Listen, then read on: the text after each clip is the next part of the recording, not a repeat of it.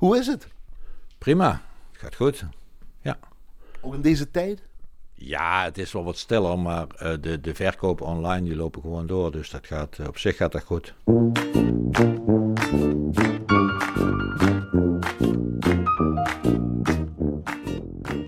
Hier in Panningen, Kapel en omschrijf even wat we zien vanuit jouw werkplek, Lei van den Beuken.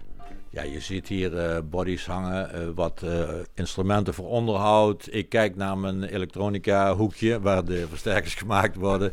Ik zie daar wat machines en, en wat losse onderdelen, halzen, et cetera. Dus, elektronica hoekje, wat is daar van belang dan voor jou? Een versterker is het verlengstuk van, van een elektrische gitaar. Een elektrische gitaar die heeft echt een goede buizenversterker. Of ja, buizenversterker, maar een elektrische gitaarversterker nodig. Buizen? Buizen, ja. Van, oh, dat hebben we het liefste. Alleen dat wordt natuurlijk steeds moeilijker, want dat is een, de productie van buizen gebeurt nou niet in Oostbloklanden, maar het is, het is zo smerig en zo milieu-onvriendelijk. Dat, Wat zit erin? Ja, er, er, er wordt, er, zit, er, er wordt gesoldeerd. Uh, het is vacuüm, glasblazen. Dat zijn allemaal hele ongezonde beroepen. En daar willen ze mensen niet meer aan blootstellen. Zelfs in doosblok niet meer. Dus daar, wordt mee gestopt. Er zijn al een aantal buizenfabrieken zijn dicht. En dat, dat gaat ook voorbij. Dat is afgelopen. Als jij een echt gitaargeluid wil hebben, dan heb je een buizenversterker. En dat is heel erg trendgevoelig. Muzieksoort gevoelig welke versterker dat je hebt. Laten we het zo zeggen. Kijk, vroeger had je de, de, de jongens, net als Hank B. Marvin en de Shadows en dat soort instrumentaal. Die speelden op Fox. Hoe belangrijk is het materiaal waar jij mee uh, werkt voor je elektrische gitaren? Ja, dat vind ik heel erg belangrijk. Ik, ik, ik ga, kijk, het heeft geen zin voor mij om hetzelfde te werken als een, een, een, een budgetgitaarfabriekje uit China of uit India. Als ik iets maak, moet het degelijk zijn. Kijk, want eh, anders zou ik gewoon met hardboard en pan laten, zou ik ook gitaren kunnen maken, bij wijze van spreken. En, en dat heeft weinig zin natuurlijk. A, zit daar een heel, dan zou er heel veel moeten maken, wil je wat verdienen als ik iets doe, dan doe ik dat gewoon met het beste, van, het beste materiaal wat ik kan krijgen. En degelijk bedoel je dat moet jaren meegaan? Het gaat niet zozeer voor jaren meegaan, maar ik heb daar bepaalde voorstellingen van klank. En, en die materialen moet ik kunnen krijgen. Of schoon het steeds lastiger wordt om goed hout te krijgen natuurlijk. En er is ook een hele, ja, een omwenteling heeft er plaatsgevonden. Want bepaalde houtsoorten mogen niet meer. Hè. Zoals? Ja, zoals palisander bijvoorbeeld, Rio palisander. En daar worden er steeds meer, de, de, de, her en der over de wereld, waar dus een tekort aan een bepaalde soort komt, die, die, die gaat eruit. En, en klinkt toch anders gewoon.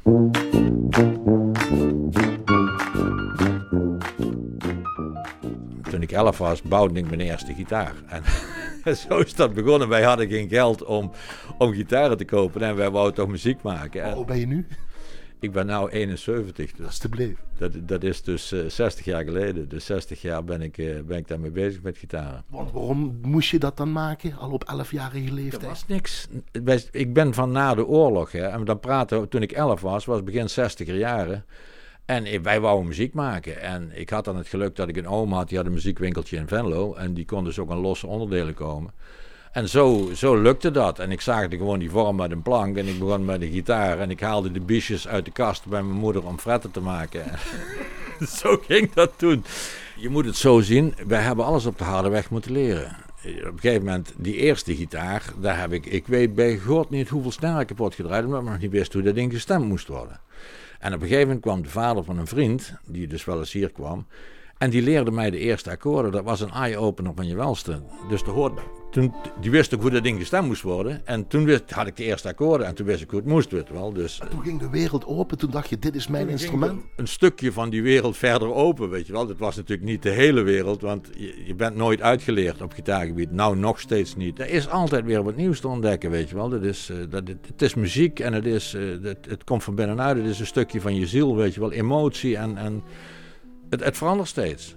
Ik, ik, denk dat, dat zelfs die periode die we nou hebben, dat dat mensen aanzet tot andere muziek beluisteren en maken dan van tevoren. Ik bedoel, elke periode die, die, die brengt wat voort.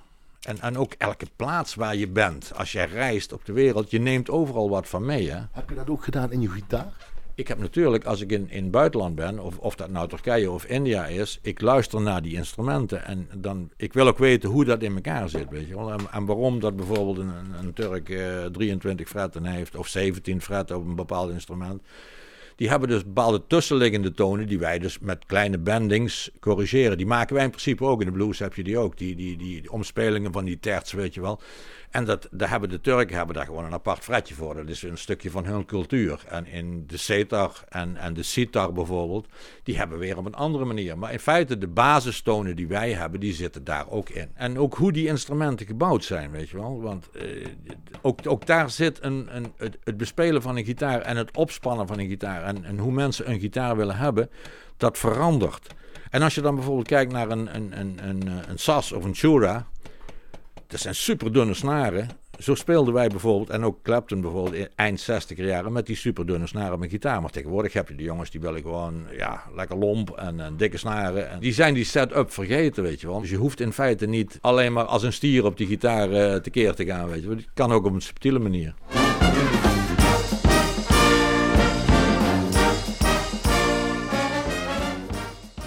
Er wordt altijd gezegd, een, een, elektrische gitaar dat is gewoon een dood stuk hout, dat is een plank. Nee, die moet, daar zit wel degelijk klank in.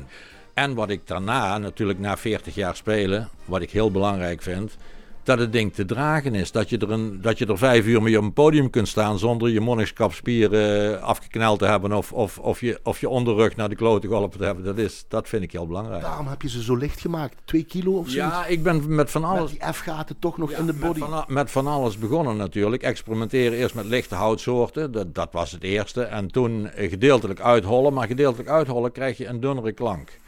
En op een gegeven moment zijn we met die kamers begonnen, die dus, die dus in verhouding tot elkaar staan en die dus eigenlijk een, een soort akkoord vormen in, in de resonantie. Het is toeval dat ik dat ontdekt heb, maar het, het werkt wel. Pick-up, of het element, hoe belangrijk is dat? Nee, die neemt de trilling van de snaren op en, en die geeft dat door. En die geeft er ook een bepaalde vervorming aan. Ja, dat, dat gaat die klank zodanig aanpakken en dat, dat noemen wij de elektrische gitaargeluid. Maar het verschil tussen die elementen, tussen bepaalde type elementen, vind ik helemaal niet zo belangrijk. Want als ik namelijk een hele klote gitaar heb die dus slecht resoneert, dan kan ik 20 elementen opzetten, verschillende. En, en het, het, blijft gewoon een klote gitaar. Die gaat echt niet beter klinken. Wat zou je dan moeten doen volgens ja, Een, een betere gitaar kopen. ja, dat is... is het zo simpel eigenlijk? Ja, ik vind het, ik vind het zo simpel. Ik vind, ik vind de klank, de klank van, van, van het hout en, en hoe het ding in elkaar zit, dat vind ik veel belangrijker dan die, die elementen vind ik helemaal niet zo belangrijk.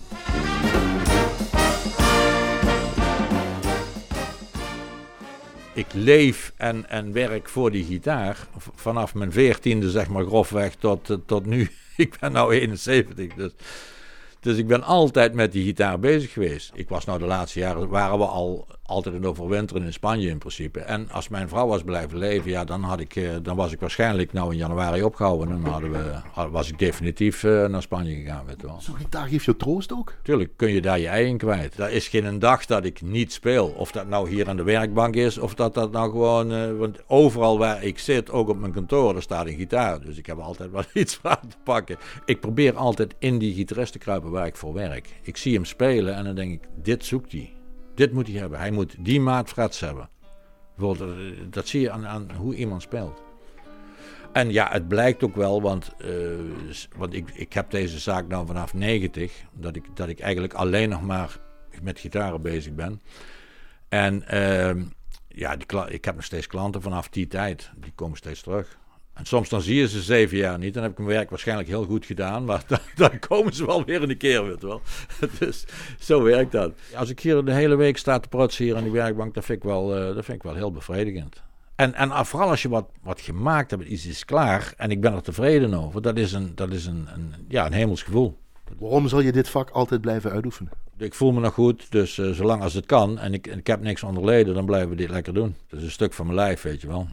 De gitaar, die, zeker die ik zelf maak, die hangen zodanig op mijn lijf. Dat is gewoon een verlengstuk van mijn... Het is een derde ledemaat, laten we het zo zeggen.